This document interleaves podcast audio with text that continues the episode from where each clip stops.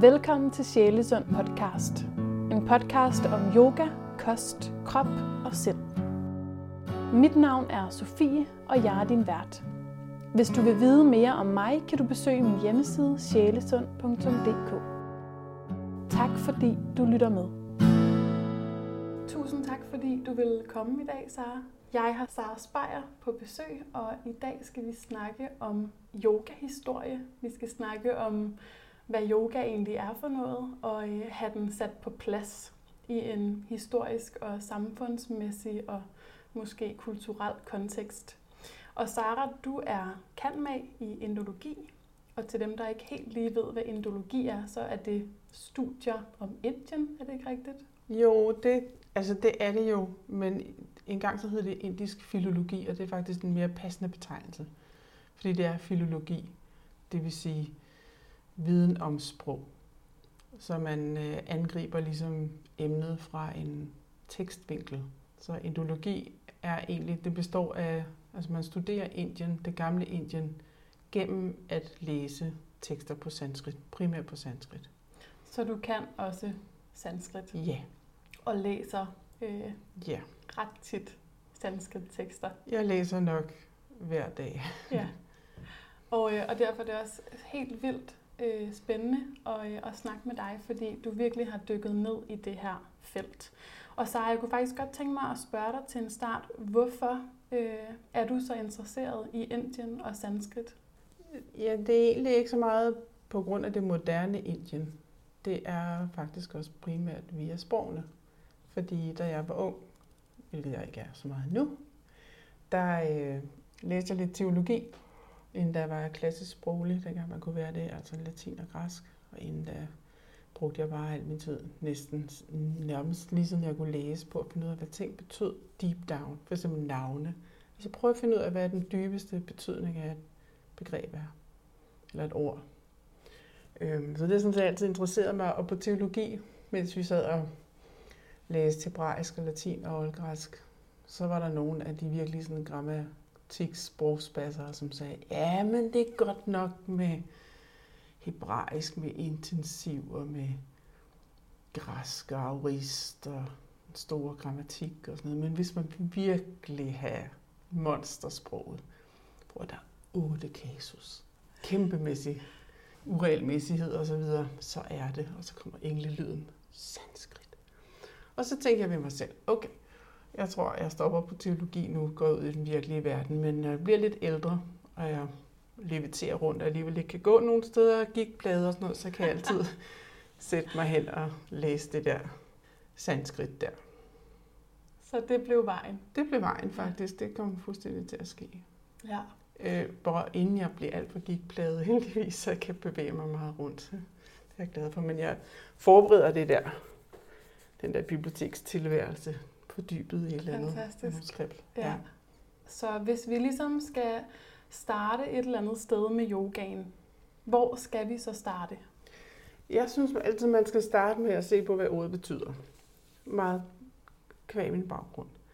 Og nu kommer der lidt sanskrit, fordi sanskrit er bygget op øh, baseret på en hel masse rødder, af verbalrødder, altså et verbum, som er et gøre-ord, et, et handleord, øh, stammer alle sammen fra en rod, som består af typisk tre, to, tre bogstaver. Ud fra den rod, der kan man lave alle former, altså nutid, fremtid og participier, og, og også alle mulige navneord. Og alt muligt andet, faktisk. Øhm, så derfor så i sanskrit og i det hele taget prøver man altid at finde tilbage til roden. Og roden af yoga, bagved yoga, den hedder yuj, Y-U-J, yuj. Øh, og det betyder at forene. Så yoga, det er noget, der er forenet. En forening. Så yoga i sin verbalrodsform, det der er så tæt på roden som muligt, det er bare en forening. Men det er ikke specificeret af hvad. Så det kan være forening af alt muligt. Det er så det, vi tillægger det? Det er det, vi tillægger det ud fra hvilken genre vi læser, ud fra hvilken kulturel kontekst vi befinder os i, ud fra hvilken tid vi befinder os i. Okay, så yoga betyder forening. Ja. Og hvis vi skal placere yogaen i Indien, kan vi sætte nogen som helst datering på? Nej, det kan vi ikke, for øh, Indien er helt anderledes, øh, end vi er. Vi har jo en historiefortælling. Vores tidligste historieskriver, det er Saxo, så vi ved i hvert fald.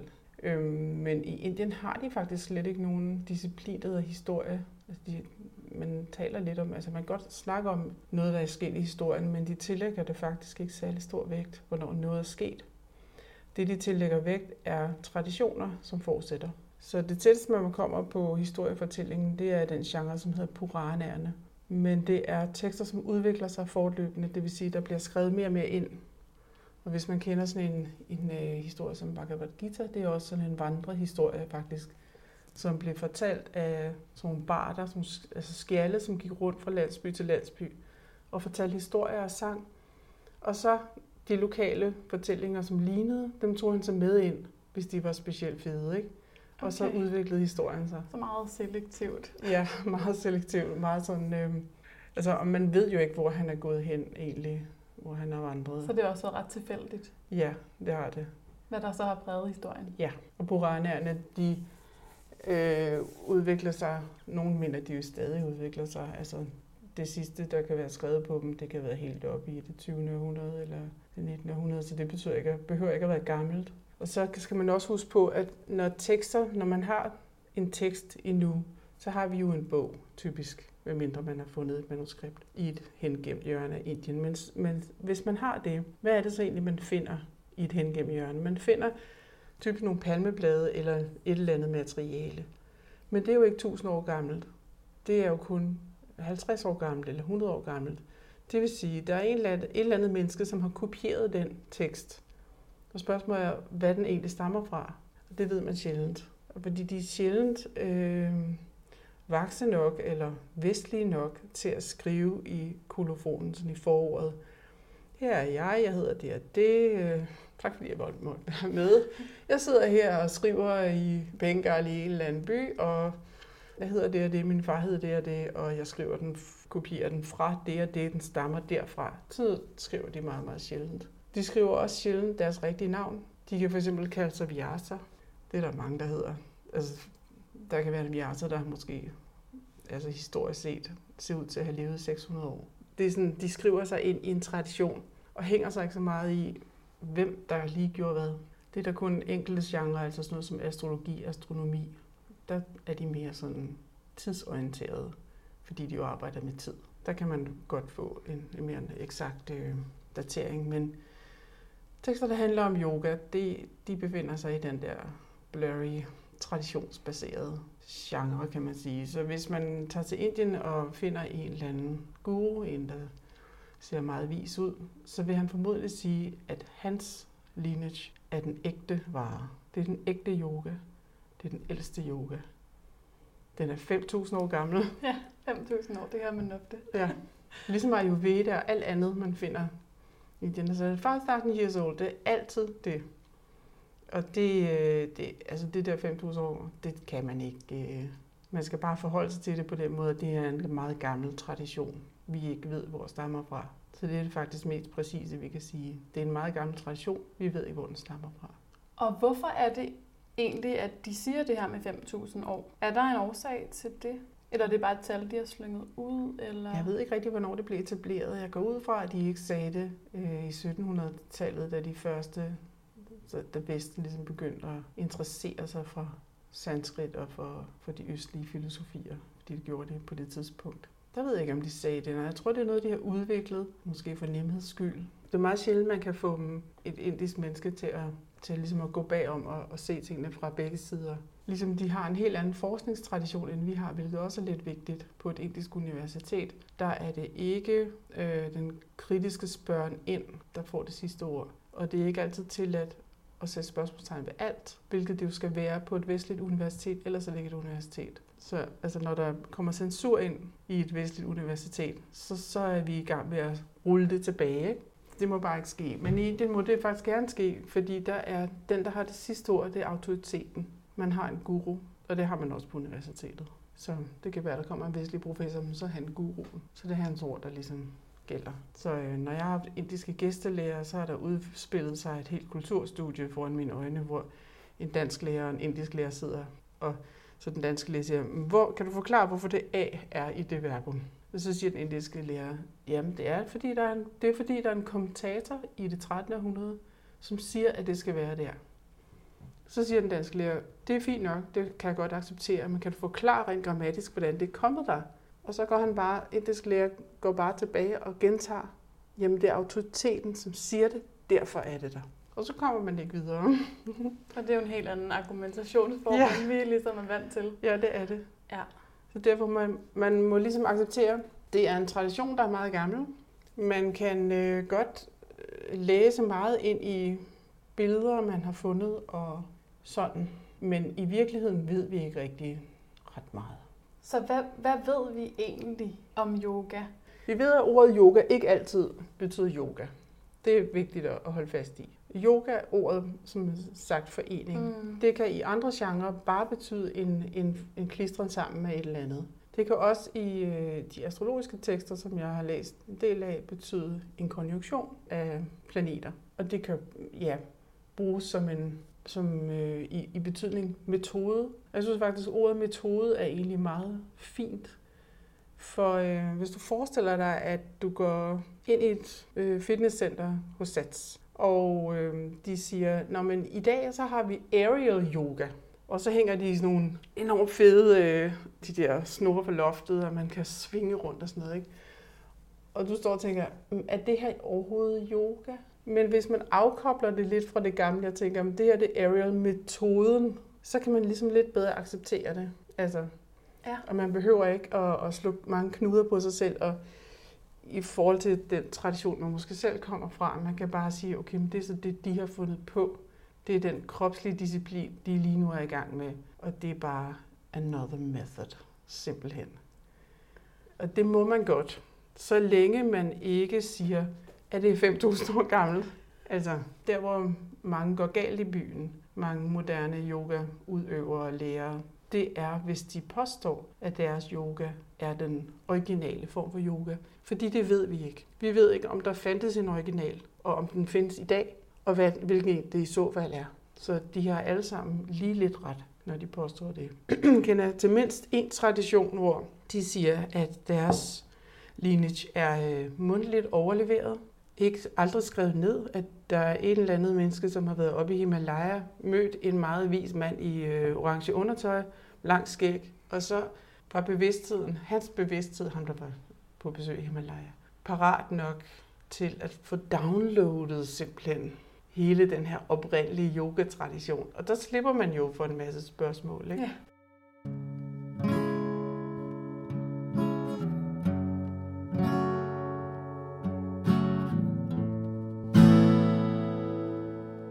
Er bare en masse yogastillinger, nogle bestemte slags stillinger, Mm. som mange forbinder med yoga. Ja. Men giver det mening? Det giver mening. Det giver mening øh, i forhold til, at man kan se, at jo længere op gennem historien vi kommer, jo flere stillinger kommer der på.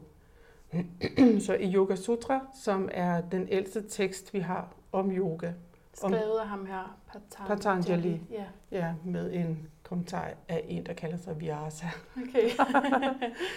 Den er, øh, mener man er forfattet mellem, og her kommer jo det sjove, mellem år 400 før Kristus og år 400 efter Kristus. Det vil sige, at vi har spændt på 800 år. Ja. Men man kan, man kan sige, at den er blevet skrevet ned formodentlig mellem år 0 og år 300-400.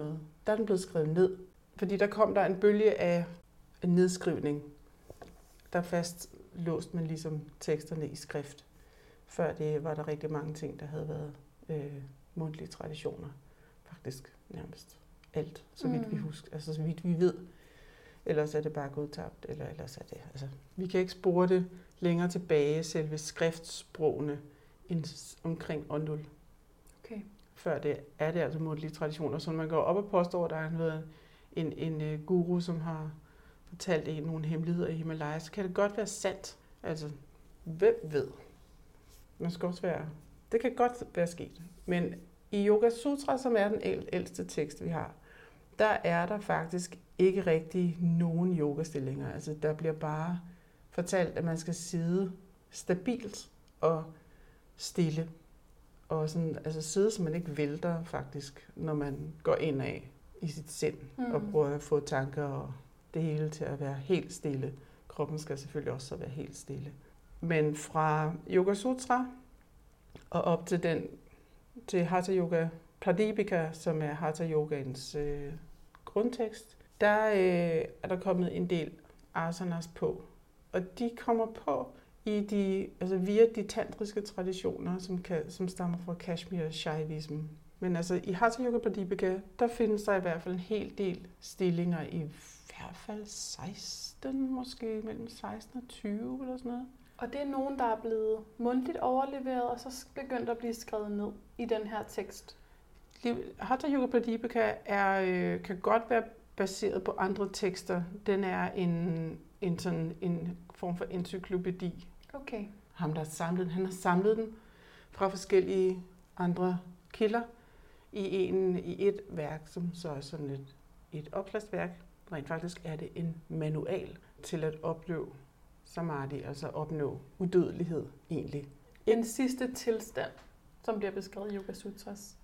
Øh, nej, men der, der skal man passe på med at sige, okay. det er det samme, for det er ikke nødvendigvis det nej. samme. I Hatha Yoga Pradipika, fordi der er gået så meget tid ind imellem, og det er utrolig farvet af de tantriske traditioner, der er det faktisk et meget konkret, ikke særlig filosofisk, virkelig, virkelig konkret. Altså først gør du det, så gør du det. Først så renser du din krop, øh, og du øver dig i at sidde stille. Og så laver du forskellige låse, bandar og mudras og sådan noget, for ligesom at få din krop til at sidde helt, til at være helt i ro. Så begynder du at lave pranayama, altså åndedrætsøvelser, indtil du kan få dit åndedræt til at være totalt stille og ubevægeligt, og alle væsker i din krop i øvrigt også er fuldstændig ubevægelige. Og når det sker, så er vi over i kapitel 4, så kommer det, det mystiske, ligesom, så kommer der nogle metaforer med noget kviksøl, man også får til at være i ro. Kviksøl er jo som bekendt flydende, og der er det, ser man også den tantriske og alkymiske indflydelse. Okay. Det er virkelig, virkelig, der er vi over det meget mystiske. Altså normalt, når man når folk her læser Hatha Yoga, Hatha Yoga Pradipika, så læser de kun første kapitel. Og det er også dejligt nok, fordi når man bevæger sig op i anden, tredje, fjerde, det bliver mere og mere mystisk. Det gør det, fordi øh, formålet med, altså den her manual er ikke en manual i det, vi kender som yoga. Det handler ikke så meget om, altså slutmålet er i hvert fald ikke at øh, være mindful og være i kontakt med sig selv og være i balance og være mere smidig og have det dejligt i kroppen og komme over sygdommen. Det er bare et skridt på vejen, som man ligesom skal have overstået, så man kan komme hen til det sted, hvor man kan kontrollere sin krop så meget, at man kan kontrollere, hvornår man dør. Så man med vilje kan gå ind i døden ved at stoppe sit åndedræt. Det er derfor, man skal have en guru ved sin side. Også kunne sidde helt øh, fast, så man ikke falder om. En guru skal også lige forhindre en i at dø rigtigt. Og så skal man kunne gå tilbage igen, frem og tilbage mellem død, og, så man selv kan beslutte, hvornår man dør, og om man dør. Det vil sige, man bliver udødelig. Så den tekst, vi sådan har om stillinger og den fysiske yoga, det er, det er Hatha Yoga Pradipika. Ja, det den, vil man normalt henvise til. Det vil man henvise til, men den er faktisk en del af en trilogi, hvor de to andre hedder Shiva Samhita og Geranda Samhita. Og de to andre, de, altså Shiva Samhita tror jeg er nogenlunde samtidig med Hatha Yoga Pradipika. Geranda Samhita, den er lidt senere, og den er interessant, fordi der kan man se, hvis man læser den, den kan man meget nemt finde i oversættelse i øvrigt, at der er kommet endnu flere stillinger på. Så fra Hatha Yoga Pradipika og op til nutiden, der sker der bare en udvikling, altså sådan en eksplosion af stillinger. Der er det bare det fysiske, der udvikler sig. Og øh, fra, man kan sige, Hatha Yoga Pradipika er skrevet i 1400-tallet, ikke? og allerede der er der jo faktisk øh, via de onde, onde kolonimagter en hel del øh, kontakt med Indien, mellem Indien og mellem øst og vest. Og det bliver bare vildere og vildere, det bliver bare mere og mere fra det øh, tidspunkt. Så der er egentlig en hel masse udveksling mellem øst og vest. Så hvor de der asanas kommer fra, de kan både komme fra Indien, de kan komme fra Kina længere østpå, de kan komme fra Vesten og med araberne, og, altså, de har deres egen tradition og sådan noget. De kan komme alle mulige steder fra egentlig. Vi ved det ikke. Fordi øhm, en, en sådan feature, som den indiske tradition har, i modsætning til vores tradition, det er, at der er ikke særlig mange grænser mellem traditionerne. Så hvis en eller anden tantriker sidder et eller andet sted, og han ser et eller andet, som nogen gør, og det kan være en, en kristen munk, eller det kan være en eller anden, og det virker smart, det de gør, så vil han sige, nu gør jeg også det. Og så er det en del af min tradition. Jeg siger ikke, hvor det kommer fra. Det er bare en del af min tradition, som er 5.000 år gammel. Se, hvad jeg mener. Så det er ligesom det... Super ugennemskueligt. Super, super blandet ja. hele tiden. Og de bruger hele tiden de samme ord. Så samadhi kan du finde i mange forskellige tekster, men det betyder ikke nødvendigvis det samme. Og moksha og alle de andre sådan sanskrit ord kan man finde i mange, mange tekster, men man skal ikke regne med, at det betyder det samme.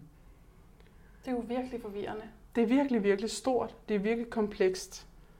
Men hvis man ser det sådan, at, at man bare er åben for at slippe sit normale, øh, sin normale sådan fastholden i det, man, øh, det man, er, man er vant til at tænke om det på, og siger, at okay, yoga er meget gammelt, det ved vi.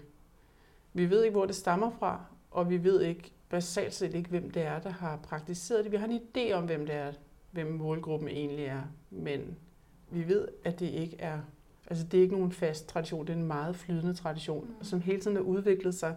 Så det, man kan sige, det at den også udvikler sig i dag, i dag til for eksempel sådan noget som yin yoga, det må den godt. Den må gerne udvikle sig. Det er sådan set ikke forbudt også hedde yoga og afkoble det fra filosofien og træffe alle de der valg, så længe man ikke siger, at det er den rigtige yoga. Altså, så må man gerne have den der kreativitet, fordi det har de sådan set i virkeligheden selv altid haft. Og nu sagde du, at der har været en idé om, hvem målgruppen var. Hvad var så ja. målgruppen egentlig? Målgruppen har aldrig rigtig været kvinder, for eksempel. Det har altid været mænd. De første helt øh, moderne tid, efter Indiens øh, selvstændighed og i moderne tid, at det er begyndt at blive kvinder. Kvinder måtte heller ikke øh, have adgang til sanskrit øh, fordi det er jo et helligt sprog. De har sådan en, et koncept, der flyder igennem det hele med renhed. Altså noget med, at, noget med renselse, men ikke som i, i noget, der er forbudt og noget, der er i. Øh, ikke som i den kristne forstand, men bare noget med, at man skal holde tingene rent. Det ser man lidt i kastesystemet og sådan noget. Ikke? Så det er kun braminerne, der har adgang til sanskrit. Nu ser man så med den indiske nationalistbevægelse, de vil gerne lave et nyt narrativ om Indiens fortid, hvor de, vi alle, hvor de alle sammen har snakket sanskrit og har talt det. Det har de heller aldrig gjort. Også kvinder og børn og gamle og dejligt og alt muligt. Øhm, men okay. ja, det vil, de, det vil de gerne. De vil gerne. De vil gerne kreere den løgn. Ja, det vil de gerne. De vil gerne sige, at det er, at vi har haft, at de har haft en fælles fortid. Det har de aldrig haft. Indien har altid været totalt opdelt i alle deres regioner så fuldstændig, fuldstændig splittet land på den fede måde, og den ufede måde også. Mm. Jo, men som målgruppen har altid været mænd. Og i Yoga Sutras, der kan man ret tydeligt se, at det er asketer. Det er altså ikke i særlig høj grad mænd, der er gift. Og det er altså derfor ikke i særlig høj grad mænd, der er inden for samfundet. Så det er egentlig, altså måske har der, der har garanteret været nogen, nogle householders, som man siger, men de har ikke været særlig mange, der har ligesom gået rigtig meget ind i det. Man kan forestille sig, at øh, blandt de øverste kaster, de sådan royale og præsterne, der har en del af deres uddannelse, deres ungdomsuddannelse, stadigvæk drengene, øh, foregået af præster. Og der har de været lidt inde i det. Så sådan noget som Brahmacharya for eksempel, det koncept, der nævnes Yoga Sutra, som normalt oversættes med celibat. Det er egentlig bare en Brahma-vej. Øhm, det kan godt oversættes som celibat, men det skal ses som celibat i en sammenhæng, hvor man, bliver, man er ligesom i lære hos, man går i skole hos en, en brahmin, altså en præst. Muligvis i en overgang, mens man er under uddannelse, men muligvis også øh, som er sket. Mm. Det vil sige, at de der øh, jammers og niyammers, som man siger, det er den sådan ligesom moralske del af Yoga Sutras. Det er sådan set ikke ment som noget, som alle følger. Det er ment som noget, som munke og nonner, hvis der var nonner. Men munke følger. Yamerne og niyamerne, det er de her indre og ydre discipliner, vil man kunne sige det? Ja, mere regler. Regler øhm, for, hvordan man skal leve sit liv. Øhm. Ja, i hvert fald mens man, mens man er i gang med det, man er i gang med, når man ja. følger Yoga Sutra. Ja. Og hvis man tænker over, hvad de egentlig siger, så siger de jo, altså dels er det noget, der foregår i sindet alt sammen, men se som aparigraha, noget med ikke at have nogen ejendele. Det, altså, hvis samfundet skal fungere, så må man gerne have ejendele. Så må, altså, det giver ikke mening at sige til en eller anden bondemand, nu skal du smide alt, hvad du har, fordi det er bare det rigtige for alle. Nej, det er faktisk kun asketer, som ikke skal have nogen ejendele. Så, man, øh, så hvis man tager det regelsæt, som var ment for asketer øh, i tidernes morgen i Indien, og siger til unge kvinder i dag i et moderne yogacenter, du må ikke eje noget. Du skal altid tale sandt. Og så alle de der... Det er faktisk en meget strengt regelsæt, som faktisk, jeg vil sige, er ret livsfornægtende. Man er ikke særlig involveret i livet og i, i dagligdagen og i verden, hvis man ikke må noget som helst. Hvis man skal leve fuldstændig tilbagetrukket. Så det var for, for mennesker, der netop levede tilbagetrukket? Ja, levede ud i skoven, væk fra samfundet. Ja. Ikke rigtig havde nogen pligter. Eventuelt ældre mennesker, som havde levet inden for samfundet, og så i den ligesom fjerde alder gik ud og, øh, og bare var ventet på at kunne meditere sig op til en selvvildet død. Ikke?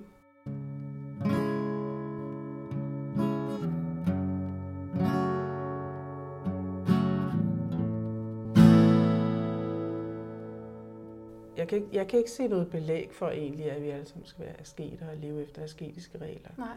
Ligesom der jo heller ikke er øh, specielt meget belæg for, at de var vegetarer, og der er slet ikke veganere. Så hvorfor? Altså, hvorfor skal det være sådan en enormt frelst vej? Hvor mange vegetarer? Nå ja, hvor mange veganere, når I er på den rigtige vej, ikke? Fordi altså, der kommer ligesom enormt mange, eller har tendens til tit at komme øh, enormt mange sådan meget nutidige værdier, og et meget nutidigt, meget frelst, helt særligt regelsæt, hvor man jo nærmest faktisk ikke rigtig må være her. Jeg er helt med dig øhm, i forhold til, at det giver ikke rigtig mening at leve asketisk, fordi vi er nødt til at være i verden ja, for at kunne influere den eller gøre noget i den. Og så har du et bud på, hvorfor det så er den moderne, travle, vestlige kvinde, der har taget yogaen til sig, når det nu var for mænd, som levede tilbagetrykket. Det er jo egentlig en modsætning, ikke? Jo, det er det. Der er måske bare ikke noget svar på det, udover at yogaen har set lækker ud, øh, og, og det er nogle stillinger, som er æstetisk smukke, som det er i kvinder fald... oftest er, er, ofte er tiltrykket af. Det tror jeg i hvert fald er en øh, meget stor del af forklaringen. Mm. Man kan også sige, altså den måde yoga blev til det, den er i dag, det er jo via teosofien og den vækkelse, sådan religiø, nyreligiøse vækkelse, som skete i slutningen af 1800-tallet i Vesten og i vores del af verden. Hvor teosofien som en af de første sådan nyreligiøse discipliner var meget influeret af indisk mystik. Og så var der adskillige andre, som ham der Gurdjieff, som er ophavsmand til enneagrammet, som er sådan en, sådan en øh, personlighedsstruktur. Og der er nogle af de indiske astrologer, som har fået mægtig meget indflydelse på vestlig astrologi, som også var der i slutningen af 1800-tallet, starten af 1900-tallet. Der var Golden Dawn, altså Aleister Crowley, sådan nogle mystikere og kultister, som dannede basis for den New Age-bevægelse, som udviklede sig. Der var Steiner og Martinus, det er også ret vigtige medspillere, som med deres sådan, kosmologi farvede eller sådan danner basis for det, som jeg har set blive kaldt kosmisk humanisme, som jeg synes er et ret fedt begreb. For stedet for at kalde det New Age, fordi det er jo ikke så New Age mere. Det er jo egentlig ikke en ny tid særlig meget mere. Men altså kosmisk humanisme, hvor man ligesom ser universet som noget, der kan tale til en, og man føler sig sådan meget forbundet med alle, og we are all one og sådan noget den slags. På bølgen af alle de der mystiske retninger blev det her dannet med, at vi ligesom alle er forbundet, og, og i det tror jeg, der blev båret den der, de der asketiske værdier ind, sådan forskellige steder. Øhm, man kan sige, det veganske selskab, det blev dannet i, i 1920'erne, tror jeg, eller også på 1945, men i hvert fald sådan i starten der. Og altså før det havde man jo ikke tænkt øh, på den måde, om at det vi spiser, det ligesom har en eller anden form for, altså det skal have en filosofi bag sig, eller, eller det rigtig har nogen indflydelse på noget. Så øhm, der er jo ligesom altså, forskellige asketiske sådan, værdier blev båret med af alt det der. Og det tror jeg ligesom bare har dannet basis for denne her øh, yoga-verden. Og hvorfor det lige er kvinderne, der har meget taget det til sig, det er et meget godt spørgsmål. Jeg tror, det handler virkelig meget, som du siger, om smart markedsføring. Man kan også sige, at starten på, øh, på Kundalini-yoga, den er meget fed. Jeg har set den i to forskellige udgaver, men altså Kundalini-yoga startede jo af, som øhm, en idé i en økonoms hoved. En indisk økonom, der så hed, kaldte sig for Yogi Bhajan. Yogi Bhajan. Hans fortælling er netop, at han gik op i Himalaya og fandt en eller anden vis mand, som synes, at øh, enten at bevidstheden var høj nok, eller den burde være høj nok, en af de to. Men han downloadede i hvert fald den ægte vare, som vi jo har hørt. Så, tog han, så kigger han ud over verden, og så hvor er bevidstheden ligesom moden nok til den her gave. Og det var den sjovt nok i 1968 i Kalifornien. Total hippie, ikke? Og der landede han og startede Kundalini Yoga og Yogi Te i øvrigt også, ikke? Sjovt. Kæmpe imperium ud fra den her sådan kosmiske fortælling.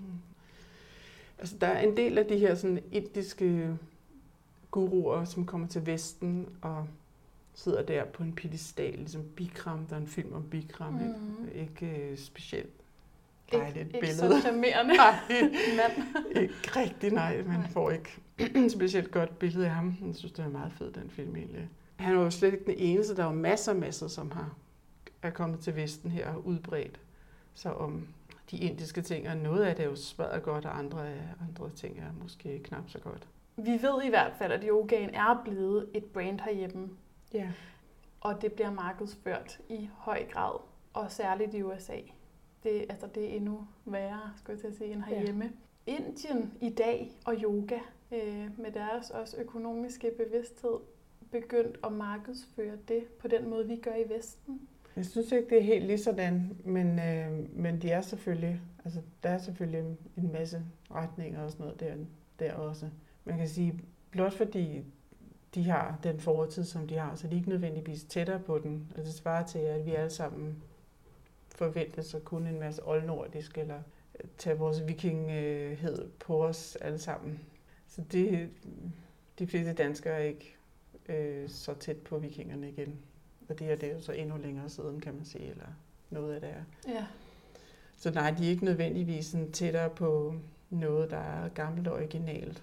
Men samtidig så er der i Indien nogle mystiske traditioner, som ikke er i medierne. Og de er der ligesom endnu. Der er stadigvæk agora tantrikere for eksempel, som ja. man stadigvæk kan gå ind og se på YouTube faktisk, ved at søge på A-G-H-O-R-A, Agora se, hvordan de sidder nede på øh, gravpladserne og spiser blod, og de okay. overtræder alle tabuer. Fordi det er også en måde, det er sådan den anden, i stedet for den totale modsætning til det meget clean yoga-studie af kvinderne. Ikke? agora tantrikere, de opnår samadhi og udødelighed og alt muligt ved at bare gå fuldstændig i den modsatte grøft. I stedet for at fornægte, så går de totalt ind i blood and gore. Og bryder alle tabuer, hopper på lige og laver alt muligt, som vi andre synes er vildt ulækkert, fordi det er meningen, det skal være ulækkert. Og mens de laver lidt der ulækre noget, så er de totalt unattached. Så forestiller at man snakker om unattachment, ikke? Det kan man gøre på to måder.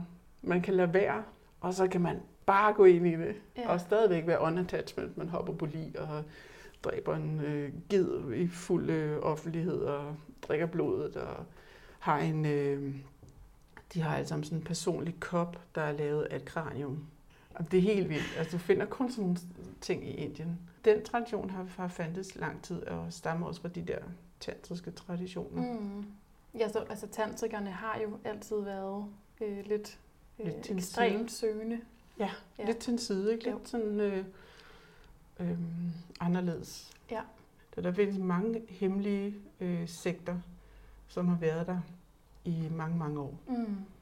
Øh, de er ikke særlig nemme at finde, og jeg tror også, jeg godt vil have en guide ja. med mig.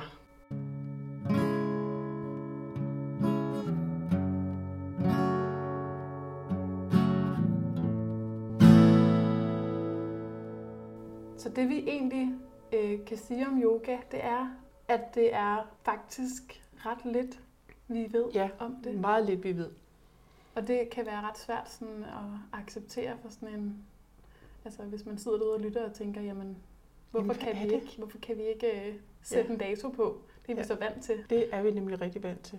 Men det kan vi ikke, og man skal forsøge med sig selv at lade være med, at øh, ens sind klistrer på det næste, man finder, som så er et svar, måske. Man skal simpelthen øve sig i. Det er sådan den store øh, endologiøvelse, dagens endologiske træning. og bare lade være med at ønske de der datoer der. Bare acceptere, at, at det er traditioner. Med fare for, at det så måske bliver en lille smule mindre magisk for en at dyrke yoga. Jamen, det behøver det nu ikke, og det behøver det nu ikke at blive.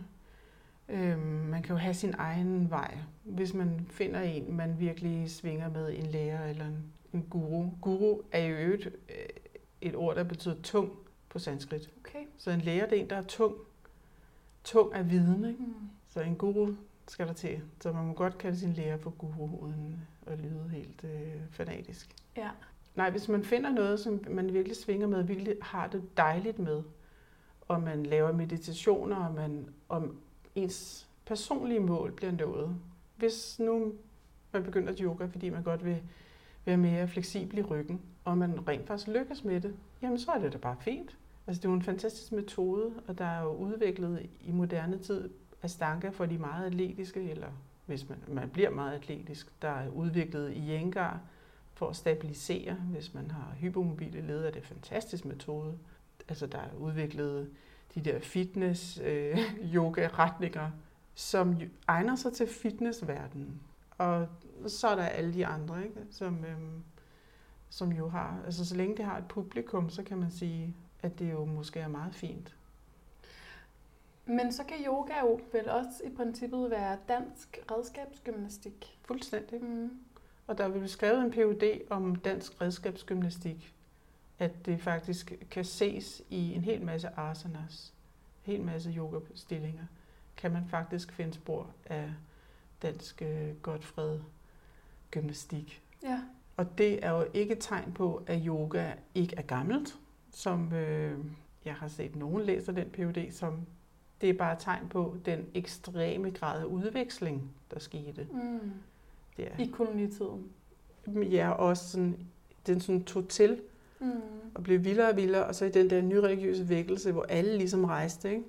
der var det ekstremt meget. Altså, i Indien kan man godt så finde yogapositioner, som er influeret af noget dansk gymnastik. Det er jo fint nok.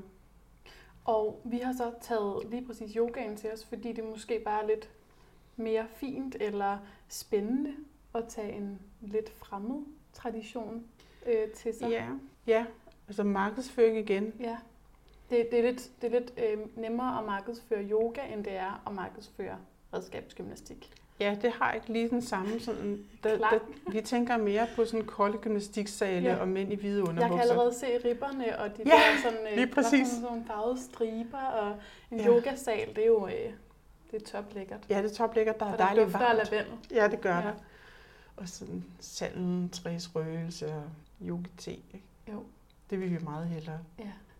Jeg kan så sige, at den aller, aller, aller tidligste civilisation, man kender i Indien, den hed, øh, den hed Indus-dalens civilisation, og den eksisterede omkring år 2500 før Kristus. I det øh, sydlige Pakistan, der hvor Pakistan ligesom møder Indien, der er der en sådan stor flod med mange forgreninger. Der lå den med mange, mange byer, og det var virkelig udviklet. Man ved ikke, hvorfor den stoppede. Pludselig man mener, det var fordi floden tørrede ud, at der kom en anden sådan naturændring, drastisk ændring. Vi ved ikke rigtig, hvem der boede der, og vi ved ikke, hvilket sprog det talte, fordi det er jo så lang tid siden, så man har jo ikke nogen tekster igen. Det er jo meget sådan, det går jo til. Men det man har, det er nogle metalsejl, sådan, ligesom et sejl, man har som stempel på et brev. Sådan nogle små sejl, hvor der er nogle tegn på, der aldrig er blevet tydet. De er aldrig blevet øh, afkodet, hvad det er for et sprog, og om det er et sprog. Det er sådan noget, som pensionerede indologer gør. Det er, at de sætter sig ned og prøver at decipher the indoscript. Det er det, du skal i din bibliotekstilværelse. Øh, nej, det, det har jeg folk til jer. Men jo, måske. Mm. Måske. altså, det er sådan en hemmelig ønske. Der er der i det de sejl, eller faktisk flere af de sejl, eller to eller sådan noget, hvor der er en figur afbildet, som har sådan en sjov hovedbeklædning, øh, lille hat, hvor der er noget, der sådan runder ud som sådan to horn. Og i baggrunden kan man se en del dyr. Og han sidder i noget, der ligner skrædderstilling. Det vil sige, der vi ved, at øh, måske for 5.000 år siden, vi ved jo, hvor gammel den, hvor længe den havde været der, var der måske en praksis, hvor der var nogen, der sad sådan der. Og der skal man lade den være.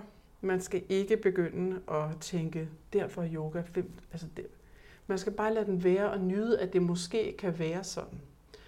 Og den, den anden sådan, det andet clue, eller det andet tegn til, at det, er, at det nok er rent faktisk en meget gammel tradition, vi ikke ved noget om, det er, at i Rigvedaen, som er en af de tre ældste vedaer, Rigveda, Samaveda, Yajurveda, som er liturgiske tekster, altså rituelle tekster. Ikke, noget, ikke en håndbog for noget, det er, eller det er en håndbog for, hvordan man laver ofringer til guderne. Der er der i en af de sene bøger, som man placerer omkring 1000 år før Kristus, i bog 10, der er der en, øh, en hymne, altså en sang, som helt klart beskriver nogle andre, end dem man selv er. For dem man selv er, det er nogen, der går og bygger aldre og laver offringer, så kongen kan få flere sønner, og altså sådan, mm. og man offrer til morgenrøde, når man gør forskellige ting. Men lige præcis den der hymne i øh, bog 10 der, den handler om nogle andre nogen. Og det er sådan beskrevet, at de, det er nogen, som har sådan langt sådan øh, sådan meget tykt hår, ligesom sådan næsten sådan matted her, næsten som hår, ikke? som de der, også man ser de der sarduer, indiske vismænd har i dag, sådan ja. hår, der er fuldstændig filtret, filtret ind. Netop. Det har de. Og de flyver på vinden, og de gør alt muligt, og det bliver beskrevet som med meget stor respekt. Det er ikke nogen, man vil ligesom vil sådan øh, jorde eller nedgøre. Men det er helt klart nogle andre, fordi man siger ikke, det er os, der gør det. Det her gør vi også. Der har man ikke sådan lavet den der inklusion. Det er nogle andre, der gør det, og de, de rider på vinden, og de drikker en masse soma, og de øh, er virkelig awesome. Soma, som er noget, man heller ikke rigtig ved, hvad er, okay. som de også selv drak en eller anden, øh, en, en eller anden form for euforiserende drik. Mm-hmm. Det er også noget, man kan bruge sin øh, pensionisttid på at finde ud af, hvad det var. Ja. Var det svampe? Var det, var det efedra? Var det, det er nok en eller anden nordindisk giftig plante, som er blevet sådan lidt, lidt høj af. Ja. Men den findes, så det er et andet clue. Mm. Så 25 år, 2500 før Kristus har vi et par billeder med noget, der ligner nogen, der laver yoga. Der sidder i Siddhartha i den der strædestilling. Og i bog 10 af Rig Vedaen, altså 1000 år før, har vi så den her hymne om som leder tanken hen mod sådan nogle indiske vismænd, der tager nogle euforiserende stoffer og, og kan alt muligt og kan alt muligt vildt. Ja, faktisk har nogle øh, overnaturlige evner, mm. nogle siddhis. Så ja. det, det er de to clues, der er for os det at sige, at det er så gammelt. Ja. ja. Så har man også efter, øh, efter vedderne, de form for værker eller tekster. Man kalder det tekster, men de bliver igen først skrevet ned der i, det første, i de første århundrede efter Kristus. Før var det bare mundtlige traditioner. Men som en udløber af de der meget vigtige rituelle tekster, fik man så, fordi de spænder over meget stort tidsrum, en gigantisk øh, korpus af kommentartekst. Og nogle af de kommentartekster, det er dem, vi kender som Upanishaderne. Upanishad. Og selve det ord, det betyder to sit near. Sidde tæt på en og høre. Ja. Muligvis. Mm. Og i de tekster, der bliver det alle de ofringer fra vedderne den offerild, og alt det der, der bliver ligesom beskrevet der som sådan fysiske ritualer. I Upanishaderne bliver det øh, lidt omformuleret. Det udvikler sig sådan lidt til at blive noget, der er indre. Så den, den ydre offerild fra Vedderne, den bliver i Upanishaderne til den indre offerild, som man kalder for tapas. Og det er altså desværre ikke et sydamerikansk måltid eller spansk måltid. Tapas, det betyder varme, altså heat. Så det stammer fra ydre offerild, indre offerild. Og øhm, ritualerne er så pludselig noget indre, en form for indre ritualer. Så man kan sige, det er jo også en del af yogaen, at I ligesom rense sig selv med en indre ild.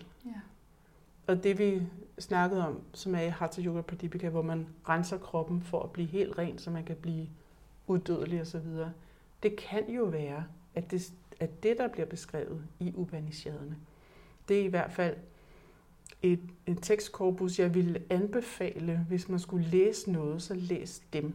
Læs de tidlige Upanishader. Læs den, der hedder Kata, Kata Upanishad, Kata Upanishad. Den, der hedder Brihat Aranyaka Upanishad. Og det kan jeg lægge link til, hvis ja, ja. der er nogen interesseret. Det kan du. Men det vil sige, at Upanishaderne kom før Hatha Yoga Pradipika. Det gjorde også ja. før Yoga Sutra, før buddhismen, okay. de, de tidlige af dem i hvert ja. fald, før jainismen. Men så Vedderne var før Upanishaderne. Ja. ja, men det er mere de ydre ritualer. Ja. Så hvis man, skal, hvis man gerne vil dykke ned i filosofien, så i stedet for at gå til Yoga Sutra og Hatha Yoga, Hatha Yoga Pradipika, så vil jeg egentlig anbefale, at man læser Upanishaderne, fordi ja. så får man, i Upanishaderne får man nok det, jeg vil sige, er den mest ægte basis for yogafilosofi. Fordi i Upanishaderne, også lidt sidenhen i sin egen tekst, der opstår der så en filosofi, som hedder Sankhya, som betyder noget med at tælle. Og Sankhya-filosofien, siger man, er den filosofiske basis for yoga. Og det kan faktisk være lidt svært at se, hvordan det lige egentlig hænger sammen. Fordi Sankhya er sådan en helt egen filosofi med noget med verdens skabelse, og der er noget, en bevidsthed, der er urørlig, og så bliver det til noget natur, og så udvikler sig ligesom øh, sanser og jord og elementerne. Og det kan være lidt svært at se, hvordan det ligesom danner basis. Men man vil forstå det bedre, hvis man først har læst noget Upanishad-værk. Fordi Yoga Sutra er ret utilgængelig, vil jeg sige. Altså, der find, den findes jo i fine oversættelser, men der vil være så stor fare for, at man læser det ind i det, som ens nutidige yogalærer eller et amerikansk blad, Yoga Journal. Altså, lad være med, bare lad være at bruge tid på det. Øhm, at de, de, altså hele deres sådan setup, det vil man meget, meget nemt, alt for nemt kunne læse ind i Yoga Sutra. Mm. Hvorimod, hvis man først har læst Upanishader, så vil man være meget mere klædt på til at forstå, hvad der står i Yoga Sutra, og også hvad der står i Hatha Yoga Pradipika, selvom det er meget senere. Det vil være en meget fed basis. Ja.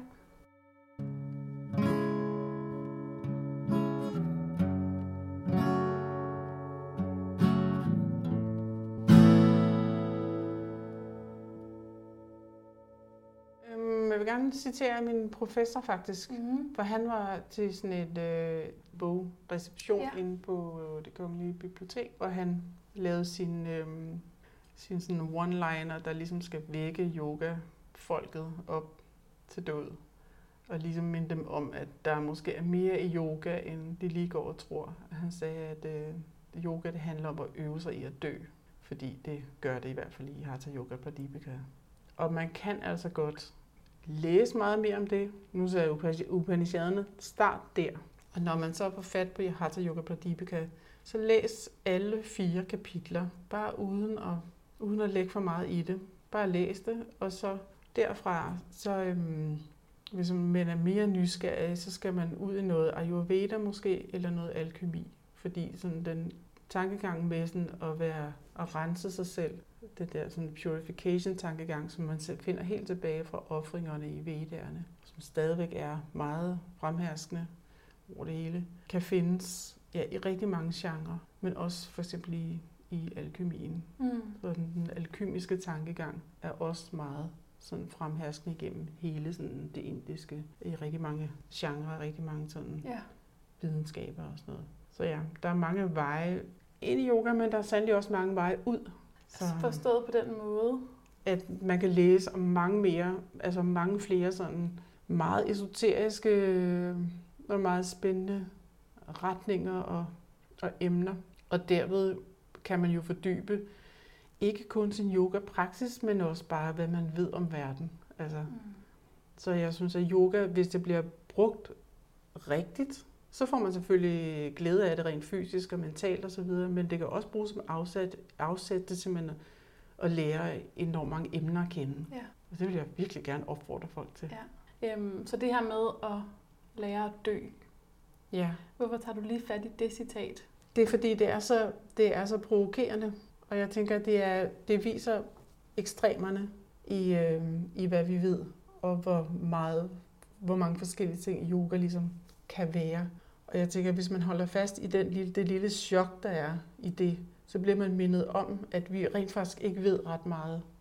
Men vi, vi har de der pointers i historien, og så har vi den der ekstreme ting i, med at øve sig i at dø. Og så har man den der, øh, det der velvære, man oplever i sit yogacenter. Hvis man formår at holde hele det spektrum, som vi har snakket om her, bare slap af og være med det, så er man faktisk nået rigtig, rigtig langt. Ja. Uden at lægge sig fast på noget. Hvis man, så snart man lægger sig fast på noget, så husk, det handler om at dø. Nå ja, det var det der store noget. Ja, vi skal lige Ja. Husk det bare for at ske dig. Ja, den anden ting. Hvis det bliver for heldigt, husk det bare var for at ske dig. Du behøver ikke at være et heldigt frelst øh, menneske, der altid er perfekt. Slip perfektionismen. Mm. Det handler om at dø. Det handler bare om at dø. Ja. Altså, når det nu ligesom handler om netop det her med at dø, og det faktisk overhovedet ikke handler om det her velvære, Mm. Hvorn, altså, hvornår eller hvorfor var det så lige, at det var den sådan lille del af det, vi ekstraherede? Ja, hvorfor? Det er nok, altså, det handler, jeg tror, det handler om at markedsføre Indien over for Vesten. Det handler, om- det handler om penge. Det er det, det, det, vi er tilbage Ja. ja. til igen. Ja. Fordi det, og- og det skal man ikke være ked af, fordi det gør vi jo alle sammen hele tiden. Vi har jo alle sammen økonomiske præferencer, mm. og vi Mm. har noget, vi gør for at kunne leve. Da Indien ligesom blev uafhængig og hele den der bevægelse, der så de jo bare et gigantisk marked begge veje fra til. Og jeg tror, at de så på deres egen tradition og tænkte, hvad er det, vi kan bringe derover? Som de gider. Ja, og som de kan, øh, som den vestlige krop også kan øh, udføre, fordi vi sidder jo på stole i 10 år, de fleste af os gør, ikke? Og bliver stive i ryggen og i benene. Mm. Og vi kan jo ikke bare lige svinge et ben over, og sådan. det kræver jo en del. Så mm, jeg tror simpelthen nu, at, at man har været smart nok til at bare tage den bid, som vestlige mennesker ligesom kunne klare. Eller også man simpelthen, jeg ved, at i Jengar, da han kom, de første billeder af ham er, der er han sådan nærmest et slange menneske, ikke? Han optræder på tv, og han, han, han gør alt muligt. Lidt ligesom Bikram, altså. Mm. Og folk lige bare sådan, åh, vildt. Men jeg tror måske, i den proces har de indset, at den vestlige krop er ikke designet til at, øh, at, at lave de der vilde øvelser. Altså det skal tilpasses vores sådan vestlige fysik. Mm. Og så tror jeg bare, at man har kortet det ned. Og de sådan rigtig, de sådan mystiske retninger, det der med at øve sig i at dø, det har aldrig været allemands eje. Det har jo netop været for at ske der. Netop virkelig været for de få. Og kun i sammenhæng med guru, så det er ikke, no, ikke noget, som sådan herre fru Sharma går og gør. Vel, nej, vi skal remember go to yoga and practice death. Altså det, det gør man ikke. Nej, og det sælger jo heller ikke så godt. Nej, det, det, det sælger ikke så godt ned med døden. Nej. Det har ikke noget sådan happy øh, ring Nej, over sig. nej. Det vil vi jo gerne have. Ja, vi vil gerne have noget med velvære, ikke? Altså, Ja. hvad er der behov for? Der er noget, Præcis. altså, og hvad, hvad er Vesten all about? Det er noget med at leve et meget intenst liv med rigtig meget arbejde. Mm. Vi er virkelig stressede generelt, og det vi har behov for, det er måske ikke så meget i at kontrollere vores død, men mere sådan at bare have det godt, mens vi er her. Ja, få en pause. Jeg får en lille pause, Ja. så på den måde er det jo meget, meget fint. Ja. Jeg tænker også lidt med kundalini yoga. Kundalini er jo også øh, ja, den der slange, der ligger supposedly i rygsøjlen. Det er også stammer fra de tantriske traditioner. Mm. Det er udmærket, at de ikke ved, hvad de laver. Fordi hvis de vidste det, altså jo mere man ved om kundalini, jo mere skade kan man sådan set forholde. Hvis man bare lige får en, en lille vækkelse, eller du ved, hvis man har den der light form, som jo er i Vesten, det er faktisk rigtig fint. Mm. Bare at lade det blive ved det, og lade dem have det, og ikke forstyrre dem i det, ikke heller kritisere dem for det. Altså, så skaber det velvære, og det er, Mm. øhm, det er jo også det, det mest skal bruges til for os. Ikke? Hvis man så vil have mere, hvis man i virkeligheden er en mystiker, så må man jo, Så er det der, hvor man man jo fordyber sig. Ja. ja, så må man gå afsides og sætte sig ud i skoven.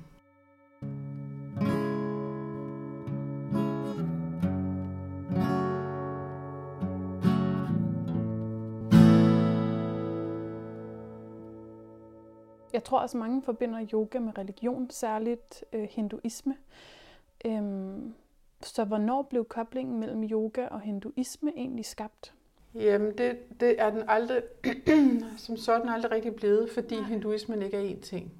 Ordet hindu, det er et ord, der er meget sent opfundet. Det, blev egentlig, altså det betyder faktisk en, der kommer fra Sint, Som er et sted. Indusdalen, Ja. faktisk. Og det blev brugt om folk i Indien og indiske mennesker, som lever i diaspora, altså i, i andre lande end Indien. Mm. De for nemmets skyld kan de sige, at jeg er hindu, fordi så ved de, om det er noget med Shiva og Brahman og Vishnu og en helvedes masse gud og en elefanthoved og sådan noget. Mm. Ikke? Så, så ved folk, hvor de ligesom er. Men i virkeligheden kan man måske godt øh, sige, at, at hinduismen rødder, altså i dag kan man godt, måske godt sige, at der er noget, der hedder hinduisme, som man betragter som sådan overhat paraply, ligesom med forskellige underinddelinger. Men dets rødder er jo bare simpelthen så mange grenede. Så dengang det var mange grenede, det var dengang, hvor der var Veda, Upanishader, og der var forskellige. Dengang var der ikke noget, der hed hinduismen. Det hed ikke sådan. Det var, Nej. der var et præsteskab, som udførte de her vediske ritualer. Og det gjorde de egentlig. Det er dem, der, som man snakker om i Vedderne, og deres verden stadigvæk beskrevet i Upanishaderne. Det er dem, der har Sankhya. Og det er dem, der skrev øh, for, forårsaget ligesom i deres præstevælde, at de her vigtige tekster blev skrevet ned omkring år 0, og så i den periode fra 0 til cirka 600 år efter Kristus, som man kalder for Gupta-perioden, fordi det var en bestemt dynasti, der var der. Mm. Og der var et, hvis, hvis Indien har haft en guldalder, så er det der, fordi der var der ligesom meget styr på det. Det, det er der, dens formative periode, vil jeg sige, egentlig var. Nogle placerer den meget tidligere, men det kan man ikke rigtigt, fordi der var der, altså teksterne er bare så, det er noget andet, der foregår. Og et helt andet gudsæt, altså i, i Vedderne, der har man jo ikke nogen, altså jo, man har Brahman, men han er ikke hovedguden, som han er senere, så det er noget, der udvikler sig ligesom Øhm, så yogans kobling på hinduismen, den er i virkeligheden aldrig sådan helt sket, vil jeg sige. Og samtidig er det også sandt, at, at der jo blev praktiseret en form for øvelser med henblik på uddødelighed i øh, den kashmirske Shaiva Mm. tantriske tradition med fokus på Shiva, og der var en tilsvarende fokus, altså retning fokus på Vishnu Ja. og så videre. Så der kan man også sige, det er de strømninger, der ligesom går sammen og bliver til det, vi som moderne begreb forstår som hinduismen. Men det er sådan lidt misforstået, hvad, hvad hinduismen egentlig er. Fordi Okay. det er bare ligesom en fælles betegnelse for mange ret så separate religioner egentlig, som tilfældigvis bruger mange af de samme ord. Så de kan alle sammen fortælle dig, at de laver yoga, og de laver en eller anden form for praksis, der måske hedder det samme. Og så forstår vores vestlige mind, nå ja, men med vores sind, så hører vi, at, at de laver det samme, for de bruger mm. Mm. det samme ord. Mm. Men det er så bare slet ikke tilfældet. Så når man kobler guder op på yogaen, Ja, så er det lidt en, eller en ret stor misforståelse. ja det, det er det. Altså man kan, godt, man kan godt sidde med sin Ganesh. Det er fint nok. Men man kan lige så godt have Jesus ved siden af. Mm. og burde måske nok, siden vi er i den her, altså hvis man går i den der retning, hvor man tager flere ting ind, så, så øhm, skulle man måske lige huske sin egen kulturkristne baggrund Ja. lidt, bare for at have sin egen sådan forankring, fordi det er trods alt det vand, man selv er, er svømmet i. Ja.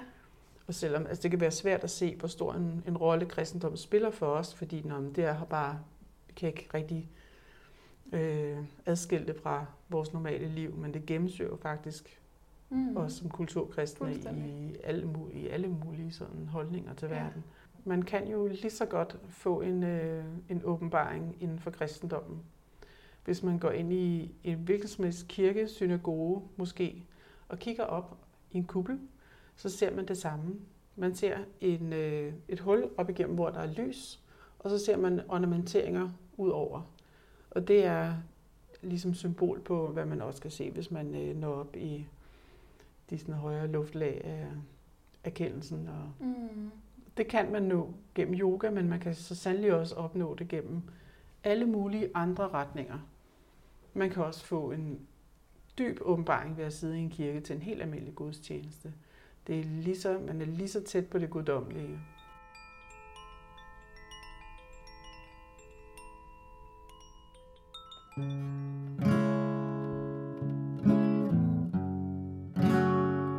Du har lyttet til Sjælesund podcast. Du kan finde flere afsnit på diverse streamingtjenester og på min hjemmeside sjælesund.dk. Hvis du har kommentar eller spørgsmål, så skriv endelig til mig.